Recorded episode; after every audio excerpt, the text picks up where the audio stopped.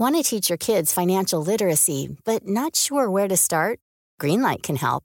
With Greenlight, parents can keep an eye on kids' spending and saving, while kids and teens use a card of their own to build money confidence. As a parent, you can send instant money transfers, set up chores, automate allowance, and more. It's a convenient way to run your household, customized to your family's needs, and the easy way to raise financially smart kids. Get started with Greenlight today and get your first month free at greenlight.com slash ACAST. There's never been a faster or easier way to start your weight loss journey than with PlushCare. PlushCare accepts most insurance plans and gives you online access to board-certified physicians who can prescribe FDA-approved weight loss medications like Wigovi and Zepbound for those who qualify. Take charge of your health and speak with a board-certified physician about a weight loss plan that's right for you. Get started today at plushcare.com slash weight loss. That's plushcare.com slash weight loss. plushcare.com slash weight loss.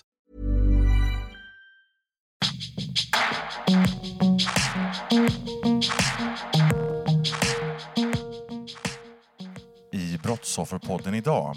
Daniel blev utsatt för sexuella övergrepp från sju års ålder. Jag blev förvånad över att folk inte såg att okej, men nu är vi instängda i ett rum väldigt länge, bara han och jag. Hör hans berättelse om när vuxenvärlden sviker och hur manliga brottsoffer ofta glöms bort.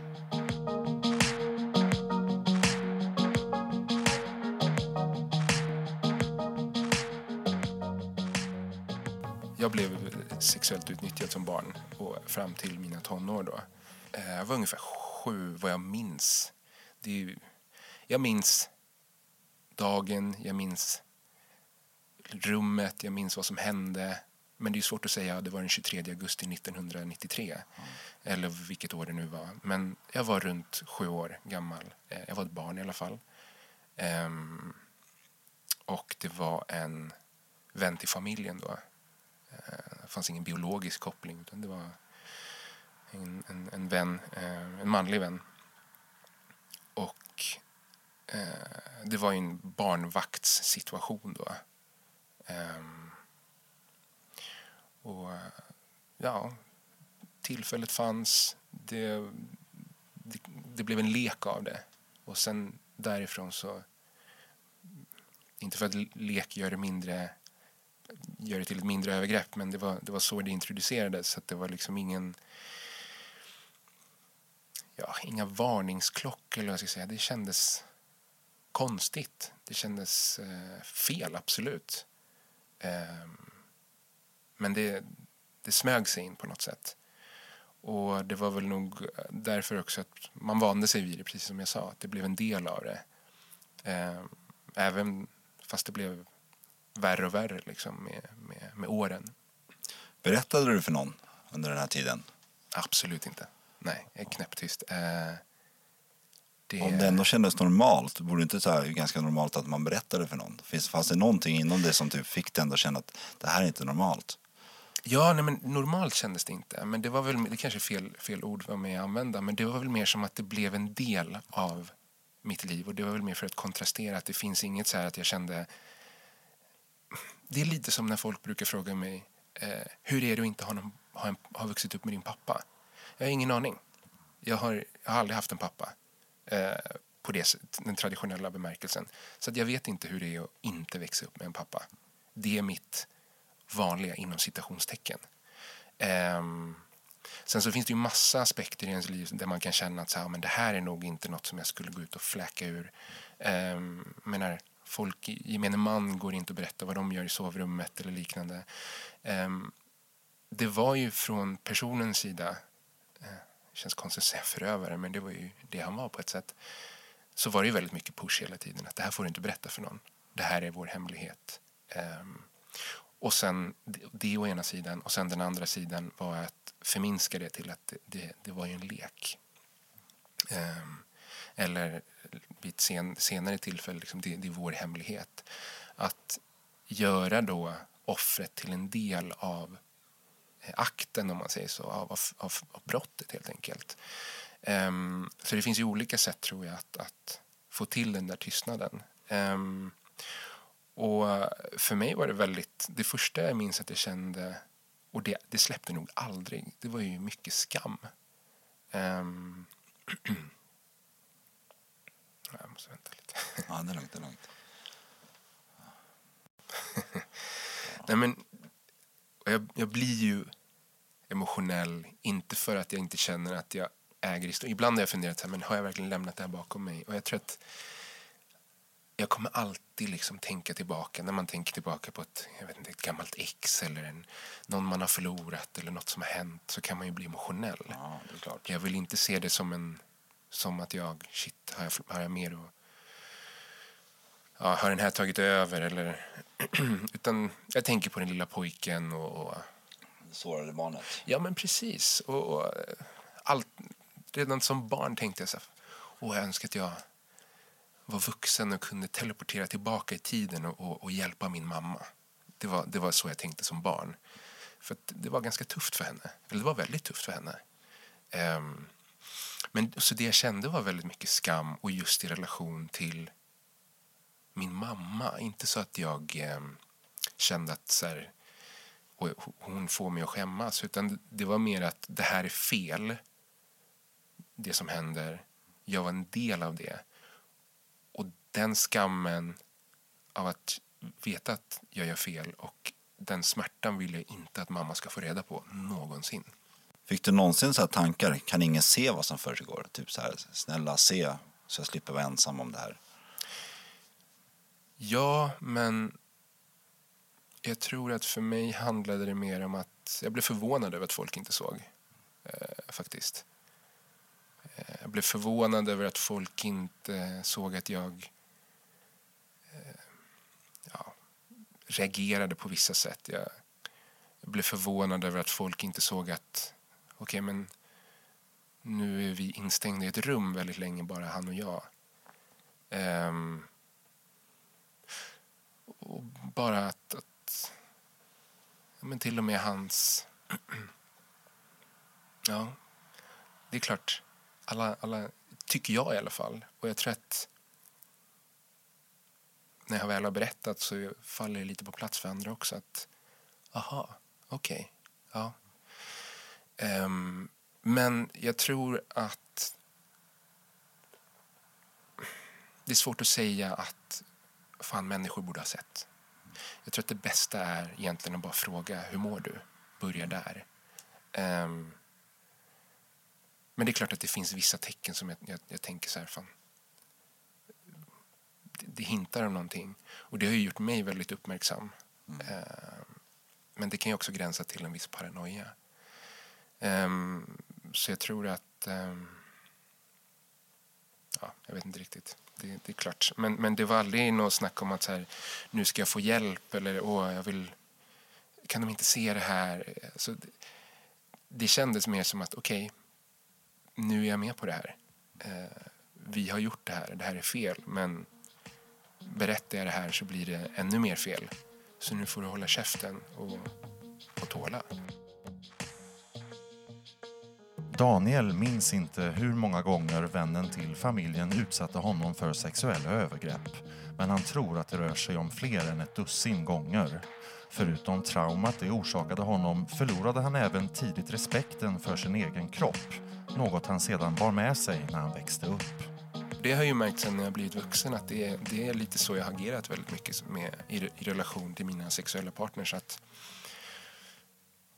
fan, kör. Jag har, om det här är, du vill ha det här, betyder inte så mycket för mig. Eh, man har rationaliserat bort sin egen, egen kropp på något sätt. Eh, just när det kom till det här. Det är så här det ser ut. Deal with it. Så här, hur var det sen? Eh, du säger att du min, min, minns när du var 16. Så du ville söka hjälp för första gången. Så här. Hur, vad var det som fick dig att söka hjälp två år senare? Eller be om att så jag tror jag har blivit, varit med om någonting? Ja, alltså egentligen var det inte så mycket att söka hjälp. Det var att försöka förstå vad jag hade varit med om. Um, jag, jag kan säga så här att fram tills tonåren där så kände jag att det var fel. Det var något som kändes konstigt. Alltså redan från första början. Det här är inte, det här är inte rätt. Men det var i tonåren som jag började inse att så här, ja, det här är inte rätt enligt samhället heller. Det här är inte rätt enligt de, den lag vi har. Um, det var inte bara baserat på min egen känsla utan det fanns ju faktiskt svart på vitt att det här är fel. Blev det lättare? Blev det, fanns det någon trygghet att känna att min skam jag känner de här händelserna, de är fel på grund av lagen? Blev det lättare typ, att ta på det? jag tror att det var en process att komma dit. Det var inte så att det bara kändes... Jag tror inte det kändes så jättemycket lättare utan på ett sätt så är det ju så, fan, jag har varit ett offer. Um, jag kunde inte rationalisera bort det längre. Jag kunde inte normalisera det längre, vilket var på ett sätt skönt. För att då kunde jag börja skifta ansvaret. Men på ett annat väldigt jobbigt för att nu fanns det ju ingenting... Min känsla gick ihop med det som med de, ja, den, det rättsliga. Det här är fel. Jag har blivit utsatt för någonting. Det var inte kul heller. Jag hade ju hellre velat veta att så här, ah, nej, men det här är fullt normalt. Eh, du bara känner så här, så att det, ta det lugnt nu. Du kan fortsätta och eh, låsa in dig i, i, i, lådan längst bak i huvudet. Liksom. Hur stor del var det av ditt liv från de här sju år, alltså känslomässigt, från sju års ålder upp till 14, 16 då? Jag tror att som barn var det ju inte fanns det inte riktigt där. Det är svårt att, att koppla ihop som barn. Eh, ja, inte för att bli för detaljrik i min historia, men att, att du blöder, eh, att du kissar i sängen. Eh, det är svårt att koppla ihop alla de här grejerna och säga att det beror på det här som barn. Som tonåring så började ju de här, den här förståelsen komma in också. Men då, hade vi, då, då lever man ju li, alltså, ett liv som tonåring inte enkelt heller. Du har eh, ja, hur mycket hormoner som helst. Um, så att det finns så mycket annat. Och jag tror att det här bara blev ytterligare en faktor som gjorde att jag... Ja, tonårskaoset liksom. För Daniel pågick övergreppen tills han var 14 år. Två år senare, när han var 16, ville han söka hjälp. Då hade han redan själv försökt förstå det han hade varit med om och läst en bok om sexuella övergrepp. I den stod det bland annat att pedofiler ofta själva har blivit utsatta för övergrepp som barn. Men när han ringde en hjälporganisation blev han chockad av bemötandet han fick. Hej, jag heter Daniel, jag är 16 och jag tror jag har blivit sexuellt utnyttjad eh, som barn. Då. Och den första frågan jag fick tillbaka då av den här kvinnan var att eh, Känner du ett sug efter barn? Vad får du för tankar när du får den frågan? Ja, just då så jag eh, blev chockad. Det var, det var som en jävla käftsmäll. Alltså. Eh, jag tappade... För jag hade ju ringt, jag hade slagit nummer. Det var, det var på den tiden när man hade såna här fasta telefoner. Ja. um, jag hade ju ringt ett flertal gånger och lagt på innan. Så det här var ju jag tänkte så här, kan de spåra det här samtalet? Kommer de se vart jag ringer ifrån? Kommer de ringa upp och prata med min mamma? Eller hur kommer det bli? Så att hela det där modet och den styrkan, viljestyrkan som jag hade uppbådat bara försvann. Det, det, och jag blev helt kall. Det minns jag, jag minns det så tydligt. Och jag blev äcklad av mig själv. Um, faktiskt. Varför tror du blev äcklad av dig själv? För att du hade typ, eh, typ eh, tagit modet att ringa det här? Får du så tveka, varför gjorde jag det här för? Eller varför tror du du blev äcklad av dig själv? Jag hade ju läst den här boken då. Eh, och i den här boken och även det man hade kunnat läsa sig till innan när det gäller statistik och fakta och sådär. Ja. Så framgick det gick, det ju väldigt mycket att, att ehm, de förövarna Eh, sexualförbrytare har oftast själva varit utsatta för det här brottet själva. Sen finns det ju eh, röster som har ifrågasatt de här undersökningarna i vad de grundar sig på, om det här verkligen är sant. Men just då trodde jag ju på det.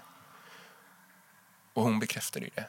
Hon bekräftade ju att, att eh, varenda gång jag pratar om det här, varenda gång jag berättar så känner jag att jag verkligen måste säga det finns inget. Jag har liksom aldrig känt något, någonting sånt. Uh, det, det, så att, det blir också att du blir skammad till tystnad, inte bara för det du har varit med om utan det folk ser att du kanske blir på grund av det du har varit med om. Um, men um, då frågade hon det och jag, jag fick fram ett nej varpå hon säger då, är du säker? Och då la jag på. Um, för att jag, jag ja, vad ska man svara liksom? Vad tänkte du efter det? Liksom, vad, vad var din första tanke? Jag kände det?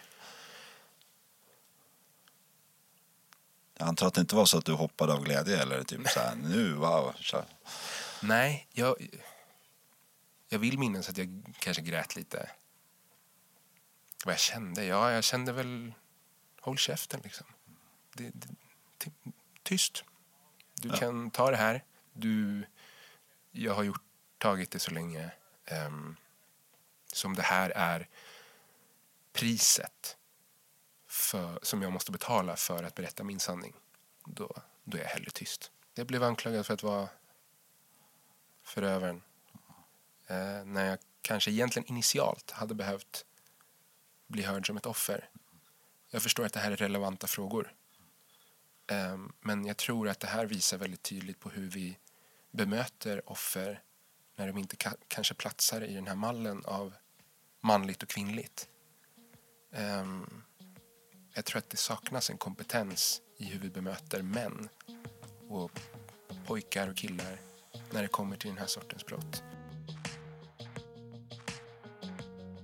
Enligt RFSL har nästan var femte man mellan 18 och 29 års ålder utsatts för sexuella övergrepp. Ändå verkar hjälpen för de här brottsoffren lysa med sin frånvaro.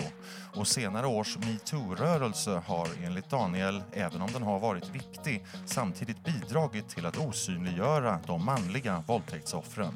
Daniel vill nu göra allt han kan för att hjälpa den här gruppen av brottsoffer. Jag tror liksom att jag i det här har hittat något som jag brinner för.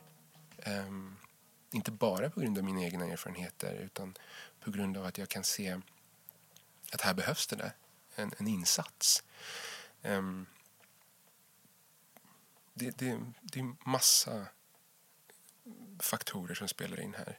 Um, men definitivt, vi, vi, måste sträcka ut en hjälpande hand till pojkar, killar, eh, män också. Hur jävla jobbiga och utåtagerande de än kan vara eller hur tysta och, och timida de, de, de än kan vara. De, de behöver också stöd, de behöver också en hjälpande hand. Um, och det finns inte idag. Det saknas den kompetensen. Så det har jag gett mig fan på att det, det ska vi... Den frågan måste lyftas. För jag kommer inte ihåg vad du skrev för statistik, men det var, var det runt 17 procent av killarna som har blivit? Ja, men precis. Enligt, enligt RFSL då, så är det runt 17, eh, ja, eh, mellan, mellan, eh, jag tror det var mellan 15 och 29 år som har blivit utsatta för sexuella övergrepp. Um, och det här är en siffra som står för sig självt. Det här är ingenting som nödvändigtvis ska, eh, ska gå ut och jämföras med andra. Eller, jag menar, brottsoffer ska inte konkurrera med varandra. Nej. Det är inte det det handlar om. Utan här ser vi ett behov. Och det är 17 procent. Men mörkertalet lär ju vara mycket större. Eh, och det blev ju väldigt... På ett sätt blev jag inte förvånad och på ett sätt blev jag ju ändå så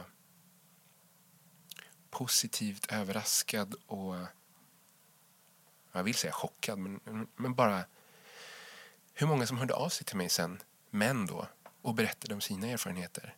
Exakt samma som jag varit med om. När du säger sen, menar du efter artikeln? Efter debattartikeln i Aftonbladet, när jag då berättade vad jag varit med om. Hur många som hörde av sig, sökte upp mig på Facebook um, och, och, och, berättade att ja, men jag har varit med om det här och det här och det här.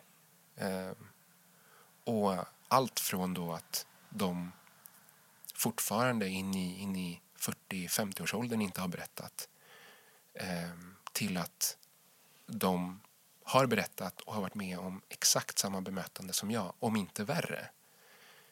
Um, Varför tror du att eh, de har svår, så svårt att berätta, just killar?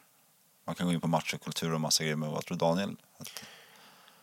Ja, men jag tror att det handlar om att, att Eh, man är rädd för vad folk ska, ska tycka. Det, det är både... Hej, I'm Ryan Reynolds. At Mint Mobile, we like to do the opposite of what Big Wireless does. They charge you a lot, we charge you a little. So naturally, when they announced they'd be raising their prices due to inflation, we decided to deflate our prices due to not hating you. That's right. We're cutting the price of Mint Unlimited from $30 a month to just $15 a month. Give it a try at mintmobile.com slash switch. $45 upfront for three months plus taxes and fees. Promo rate for new customers for limited time. Unlimited more than 40 gigabytes per month. Slows. Full terms at mintmobile.com. I'm Sandra, and I'm just the professional your small business was looking for. But you didn't hire me because you didn't use LinkedIn jobs. LinkedIn has professionals you can't find anywhere else, including those who aren't actively looking for a new job but might be open to the perfect role, like me.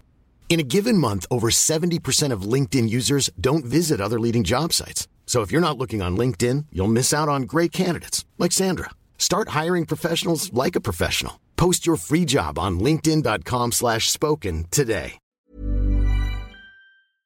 Ehm, det, är inte både, det är inte bara det att din, din roll som man undermineras för att eh, du har tillåtit det här. Eh, utan det är också att din, man, din roll som man förvandlas helt plötsligt från att du bara är en man till att du är en potentiell förövare. En av alla de här männen som det skrivs om. Hagamannen eller vem fan det nu kan vara.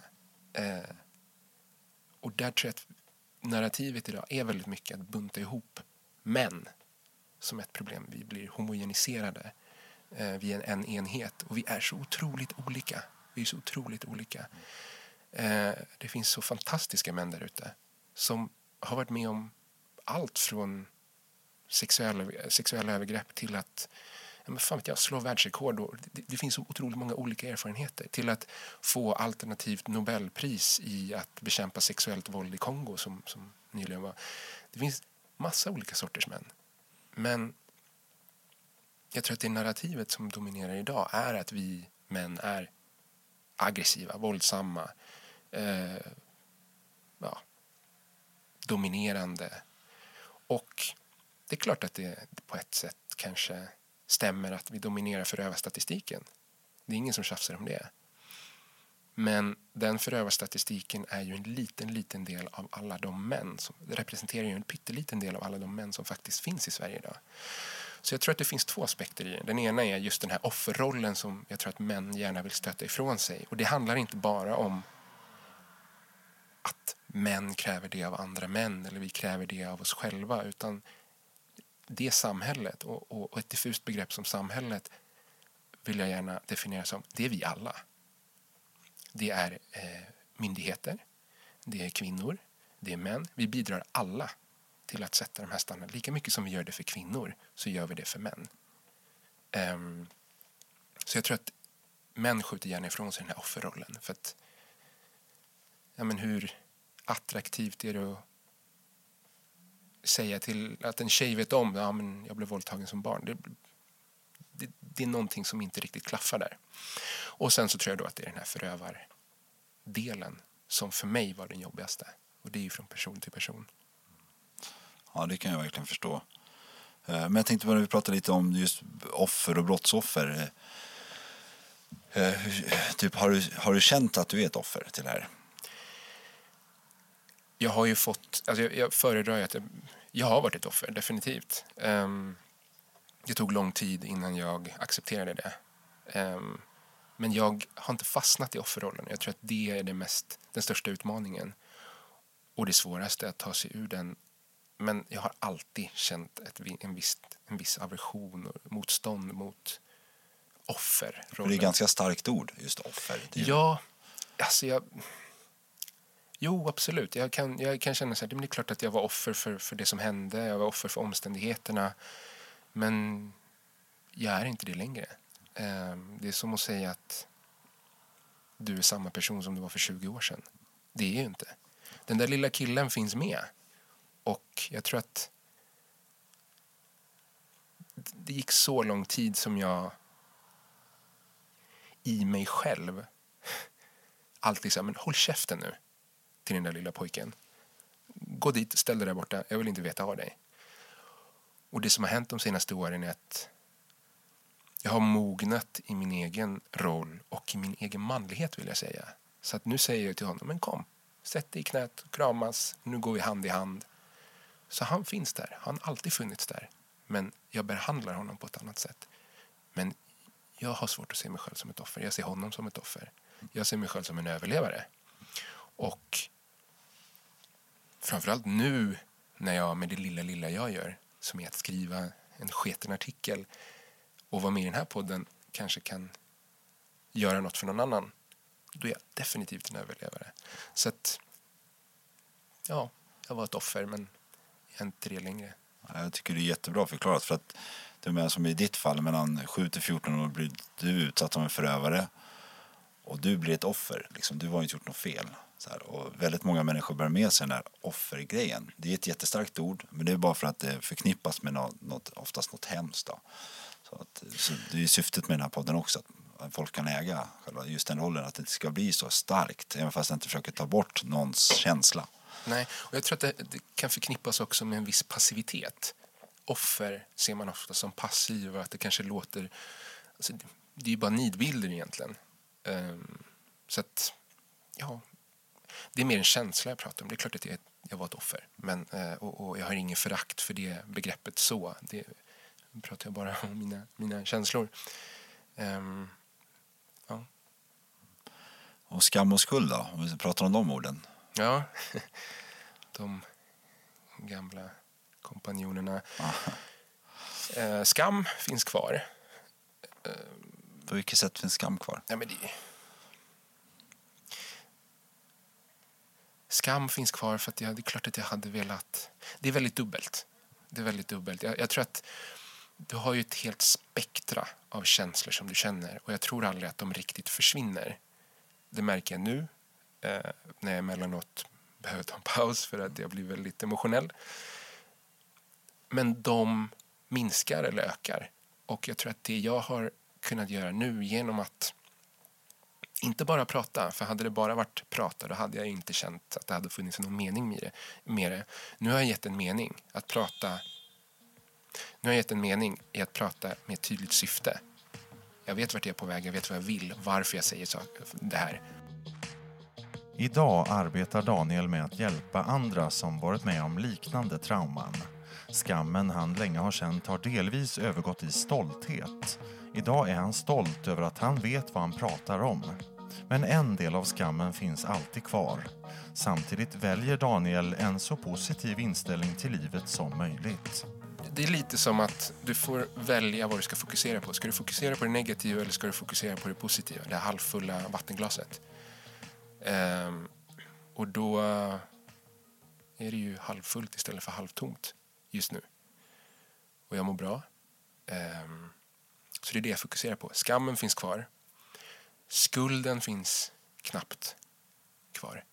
Ehm, däremot så, så ansvar. Eh, jag är väldigt förtjust i det ordet, det begreppet. För jag tror att ansvar signalerar att du även har makten att förändra. Så jag går gärna tillbaka eh, i den här processen då som jag började eh, för några år sedan och funderar på att så här, men, vad kunde jag gjort annorlunda? Men jag tänker framför allt då när jag blev äldre vad jag hade kunnat Jag hade kunnat polisanmäla. Eh, och där tror jag att bara genom att lyfta det här samtalet så kan man ju bryta de problematiska mönstren som, som många fastnar i. att bara Fram med det. Varför tror du att du inte polisanmälde? Var det bara för att du inte ville ta på det ordentligt eller? Ja, men jag var inte redo. Jag var... Nej, jag var inte redo. Jag, jag, jag vill inte ta på det. Jag vill inte eh, utsätta två familjer för det här. Eh, kanske också på något plan inte vill utsätta mig själv för det. Um, ja, så att det... Alltså, man, jag tror att man måste förstå allt har för och nackdelar. Det är inte så att oj, hade jag polisanmält så hade hela historien varit en solskenshistoria. Det hade ju kostat också. Och jag valde att inte göra det.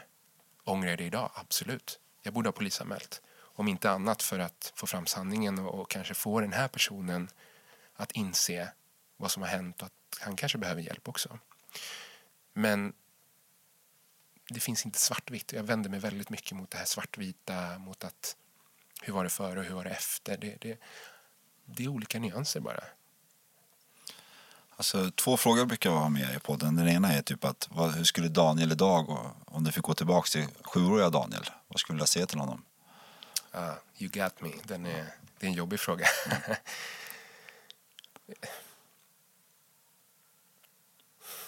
ja. ja, vad skulle jag säga till den där mm, halvknubbiga, tystlåtne, men ändå väldigt söt ungen? Jag skulle ju krama honom. Eh, det är något jag försöker göra med mina syskonbarn som möjligt. Något jag har lärt mig att göra. Eh, den andra frågan som jag brukar med också det är eh, om du fick gå tillbaka och prata med den här förövaren när du var runt sju år, säga till han, vad skulle du säga till han då? Ja, alltså jag hörde ju av mig till honom eh, förra året. Eh, Men vad för förhoppning, vad, vad vill du ha ut av det? jag ville prata, jag ville förstå. Eh, och sen så kan man ju argumentera för att det finns inget att förstå här. Men jag tror att om vi ska lösa problemet i, i, i liksom kärnan så måste vi även förstå förövarna. Och eh, Hur reagerade han när du hörde av dig? han blev väldigt överraskad. Eh, och det var ju också där så här, hur ser han på det här? Minns han ens det här? Um, där märkte jag att han gick i försvarsställning ganska snabbt och liksom safeade upp och sa så ja men det var så länge sedan, jag minns knappt eh, när vi brukade hänga. Vilket var en ganska konstig sak att säga. För då hade jag ju då hade jag bara sagt hej liksom. Och jag bara kände att han, det var första tecknet på att säga, ja, men han, han förstår nog varför, varför jag hör av mig kring det här. Och jag tror inte heller att han kan må bra över det. Det tror jag inte. Så att, Vill du att han ska må bra idag? självklart, varför skulle jag inte det? Har du förlåtit honom? Ja, det tror jag.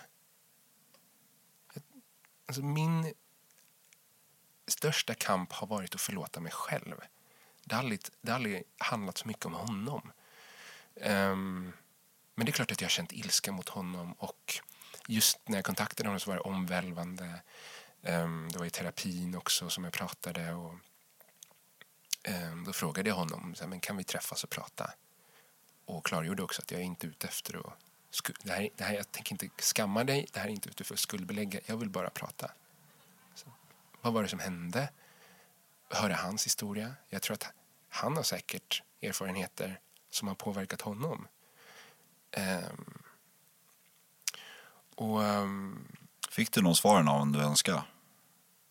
Erkänner han för dig? Typ bad han om ursäkt? Hur, hur gick samtalet till? Du behöver inte berätta in i detalj. nej, men- nej, men det, det, det kan jag göra. Det, ehm, vi bestämde en dag att vi skulle ses. Och jag kommer ihåg att min terapeut då sa att ja, men det är bra om du har en kompis som följer med eller någon som sen antingen kan sitta något kvarter bort som du sen bara kan ringa som kan komma stötta liksom. För det här kan vara väldigt upprivande. Och det, det tror jag hon har helt eh, rätt i. För jag menar, det är bara att kolla på hur jag reagerar nu. Så jag tror att tänker man sig att man ska göra något sånt så, så ska man eh, förbereda så mycket som möjligt för det, det, det blir väldigt känslomässigt. Jag var ju orolig för att jag, men fan, kommer jag nita skiten ur honom eller vad, vad kommer jag göra? Um, så det var tvära kast. Men eh, på något sätt kände jag ändå så här, nej, men jag vill bara prata. Och då bestämde vi en dag. Eh, men jag kände av ganska tidigt att han var han var rädd skulle jag vilja påstå. Och det gav ju mig både styrka eh, samtidigt som jag blev orolig. Kommer, han, kommer vi ses? Kommer han, kommer han försvinna? Eller? Och så kom den dagen som vi skulle ses. Men eh, han försvann. Han kom aldrig? Nej. Nej. Han, eh, han blockade mig på Facebook. Det hade hört av mig. Eh, svarade inte på mina sms. Eh, inte på mina samtal. Jag tror att telefonnumret till och med. Att han kopplade bort det. Ehm, det gjorde mig ledsen. Faktiskt. Ehm, så att jag gjorde det jag kunde. Klappa mig själv på axeln för det. Men ehm, ja, kanske i framtiden. Känner du att du förtjänar någon upprättelse av honom? Jag känner att jag är ledsen att jag behandlar dig så här. Förlåt. Känner du att du förtjänar det? Jag tror att det skulle vara bra för honom. Ehm, För dig då? Skulle du göra dig bättre? Skulle det bli typ att du får, vad man nu kan säga, jag vet inte. Absolut, på ett sätt ja och på ett sätt så är det irrelevant. För att jag vet, jag har, jag har rätt till min upplevelse, jag har rätt till mina känslor. Så att det spelar ingen roll vad han tycker eller tänker eller liknande. Eh, både ur ett emotionellt perspektiv men ur ett, ur ett juridiskt perspektiv. Um, så att det skulle vara det skulle vara någonting extra. Och det skulle vara... Men jag tänker att det, det, det är klart att det skulle vara fint. Jag menar, det, det är som att någon verkligen skulle se dig. Det är klart att det känns bra när någon ser dig. Det känns bra när någon bekräftar dig. Ehm, Om du fick välja ut en mening på ett visst antal ord som du skulle vilja ha sagt till honom när du träffade honom, vad, vad skulle det vara? alltså den första som kommer, det är ingen så här visdomsord alla Dalai Lama utan det är bara hur mår du? Mår du idag eller hur mådde du då? Hur mådde du, hur mådde du då? Ehm, och även, alltså, hur, hur mådde du, eller hur mår du idag?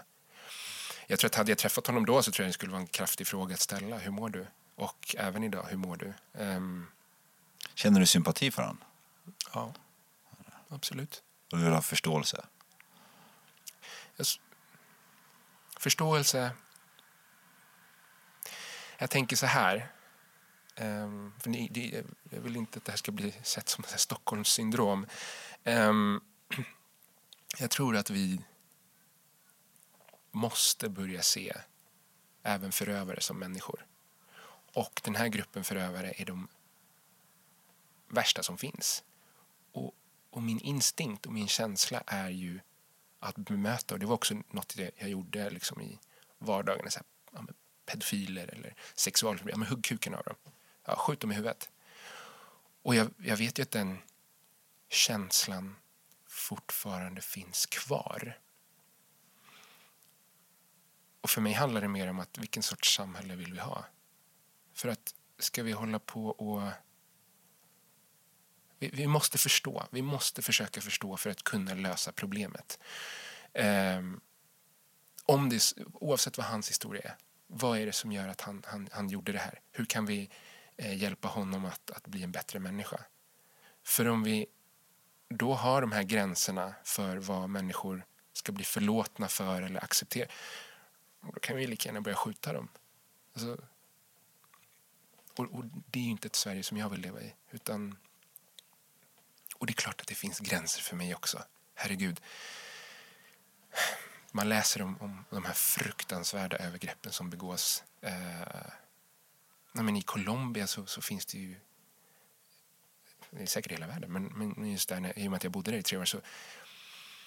Så många historier just med den här väpnade konflikten som var så länge. Med, med barn som råkar så illa ut, kvinnor som råkar så illa ut, män som råkar så jävla illa ut. Och man vill men svaret är inte våld. Svaret är inte hat. Jag tror inte det. Och om vi kollar på historien så, så, så är jag ganska säker på att den kan bekräfta det. Sen att det är svårt. Absolut. Det är inte enkelt. Och, och jag vet inte hur jag skulle reagerat om han hade satt sig och pratat med mig. Jag vet inte. Men ehm, det är klart att jag har sympati för honom. Men folk som lyssnar på det här avsnittet, vad skulle, du- vad skulle du vilja säga till de som har varit med om samma sak? Typ. Oj. Jag har väldigt svårt att vara ehm, ett orakel. Jag tror att det...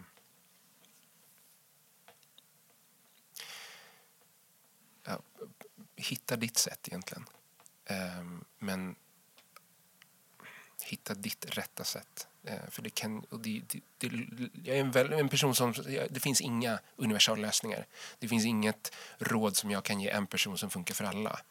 Ehm, så att jag tänker mer att behöver du prata, prata. Eh, för mig har det varit att prova massa olika metoder. Att prata, att skriva, att eh, reflektera och inte liksom trycka undan. Um, så jag, jag tror mycket på den metoden. Att, att så här, stör det dig eller stör det inte? Hur mår du? Men man kanske ska börja med den frågan till sig själv. Sätt dig ner framför spegeln eller bara i soffan. Stäng av mobilen. Sätt dig själv och bara fråga hur mår du? Skriv ner det på ett papper, jag har ingen aning. Och om du känner då att det som kommer ut tyder på att du, du inte mår så bra, då kanske du ska försöka lösa det. Tror du att det sett annorlunda ut om eh, du inte hade varit med om det här, just den biten? Jag har ställt den frågan ganska ofta och jag vet att min vissa av mina släktingar och har, har frågat samma sak. Och jag tror att det är ganska viktigt att, att bara prioritera och inte grunna på vad som skulle kunna ha varit. Alla om och alla ifall och kanske. Jag tror att då, du, jag vet inte. Man, kan, man blir galen av det. Ja. Om jag hade gjort så, vad hade hänt då? Om jag inte hade gjort det, vad hade hänt då? Så här ser det ut. Eh, på gott och ont. Det här är livet. Um, så att jag har slutat eh, lägga så mycket energi på den frågan.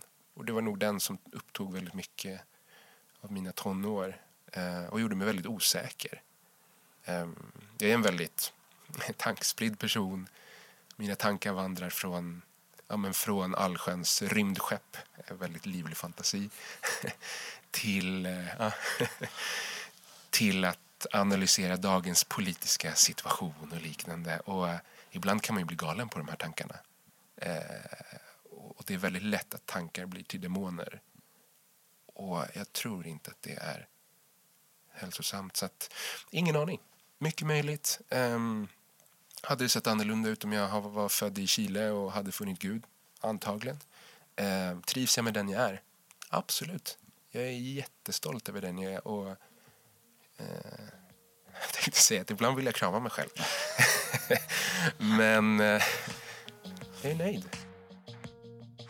Ni har lyssnat på Brottsofferpodden med Joakim Lindén. Medhjälp till redigeringen var Elias Wennerlöv.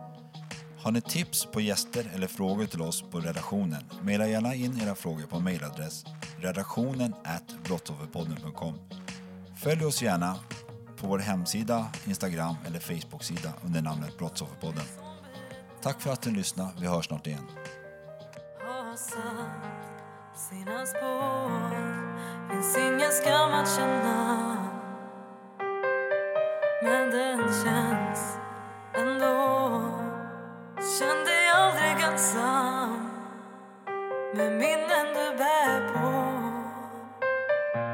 Det är inte din skuld att bära. Jag hoppas du förstår För skulden ligger. Hos den som begår. Hos den som begår.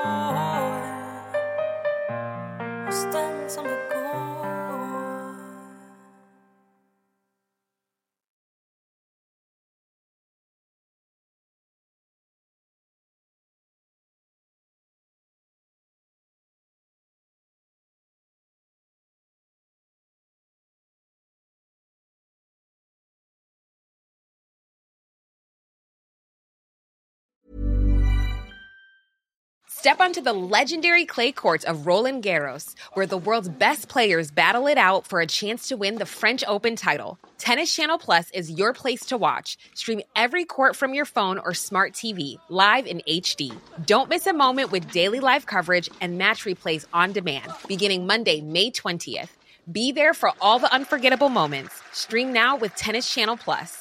Imagine the softest sheets you've ever felt. Now imagine them getting even softer over time. That's what you'll feel with Bowl and Branch's organic cotton sheets. In a recent customer survey, 96% replied that Bowl and Branch sheets get softer with every wash. Start getting your best night's sleep in these sheets that get softer and softer for years to come. Try their sheets with a 30-night guarantee. Plus, get 15% off your first order at bowlandbranch.com. Code BUTTERY. Exclusions apply. See site for details.